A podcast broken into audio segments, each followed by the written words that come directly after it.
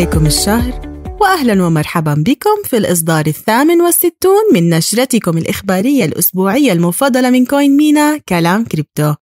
هذا الأسبوع بنك البحرين المركزي يوسع الإطار التنظيمي ليشمل طرح الرموز الرقمية. بينما الشركات الأمريكية تنقل عملياتها إلى مراكز دولية أخرى للهروب من الهجمات التنظيمية المعادية للقطاع الرقمي. وسام بنك منفريد يواجه تهما جديدة كل هذا وأكثر. لذلك دعونا نبدأ في نشرة هذا الأسبوع من كلام كريبتو. أخبار محلية. بنك البحرين المركزي يصدر إطارا تنظيميا للرموز الرقمية. أصدر بنك البحرين المركزي تعديلات على الفصل الخاص بالعملات الرقمية. تشتمل هذه التعديلات على توسيع نطاق الإطار التنظيمي ليشمل نشاط طرح الرموز الرقمية كجزء من أنشطة العملات الرقمية المنظمة من قبل البنك. ومن أجل تحديد فيما إذا كان الرمز الرقمي تنطبق عليه مواصفات الأوراق المالية، سيقوم البنك بتقييم الأهداف الجوهرية للرمز الرقمي وهيكله ومواصفاته بما في ذلك الحقوق المرتبطة به. كما أدخلت التعديلات متطلبات جديدة لتعزيز حماية المستثمرين والسماح للمرخص لهم بتقديم أنشطة إضافية وإن لم تكن جزءًا من خدمات العملات الرقمية المنظمة المنصوص عليها، وذلك بشرط الحصول على موافقة البنك المسبقة. نفتخر في كوين مينا بكوننا حاصلين على ترخيص من مثل هذه الجهة التنظيمية التقدمية والتي تواكب المستجدات وتوفر الحماية اللازمة للمستثمرين دون إعاقة تبني الابتكار. أخبار بسرعة البرق. اتهامات جديدة لسام بانكمان فريد سام بانكمان فريد متهم بجريمة أخرى وهذه المرة هي رشوة سياسيين صينيين بمبلغ 40 مليون دولار لإلغاء تجميد حسابات شركة ألاميدا. ورقة البيتكوين البيضاء على سيارات فورمولا 1 أعلنت شركة كراكن عن شراكتها مع فريق ويليامز. ولبدء حملتهم قاموا بلصق أجزاء من ورقة البيتكوين البيضاء على مقدمة سيارات ويليامز. الحكومة الأمريكية تبيع البيتكوين. باعت الحكومة الأمريكية ما يقارب 9800 بيتكوين في الرابع عشر من مارس وتعتزم بيع 41500 بيتكوين أخرى تم الاستيلاء عليها من أحد مخترقي سيلك رود قبل خمسة سنوات.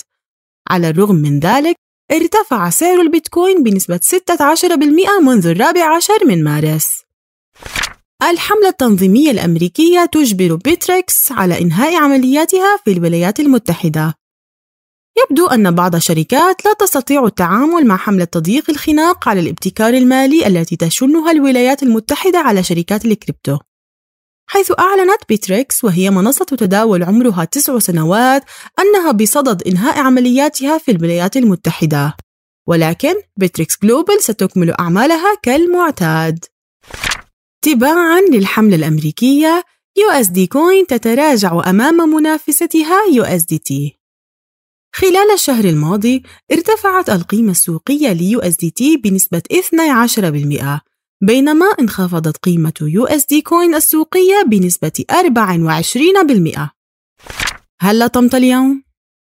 أطلقت أربترم وهي الشركة الشهيرة التي تقدم حلاً للطبقة الثانية للإثيريوم رمزاً رقمياً خاصاً بها في الأسبوع الماضي ولكن لم تسر الأمور كما ينبغي فأولاً انهار السعر بنسبة 90% على الفور تقريباً ومن ثم أقاموا تصويتا حول ما إذا كان يمكنهم إنفاق 750 مليون رمز رقمي من قبل المؤسسة.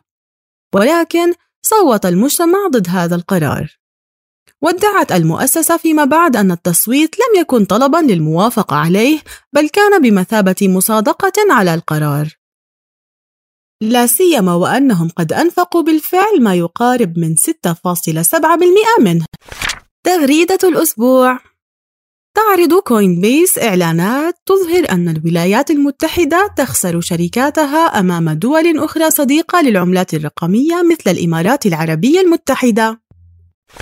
أخبار CoinMENA جوائز رمضان بقيمة خمسة آلاف دولار.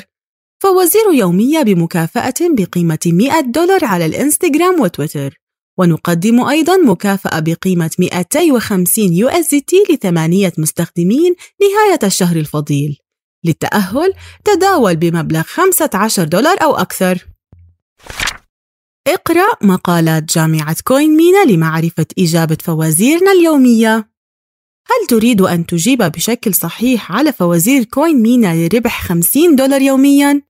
تفضل بزيارة موقع جامعة CoinMENA واقرأ عن البيتكوين، التداول، الثقافة المالية، العملات الرقمية وكيفية حماية محفظتك الرقمية.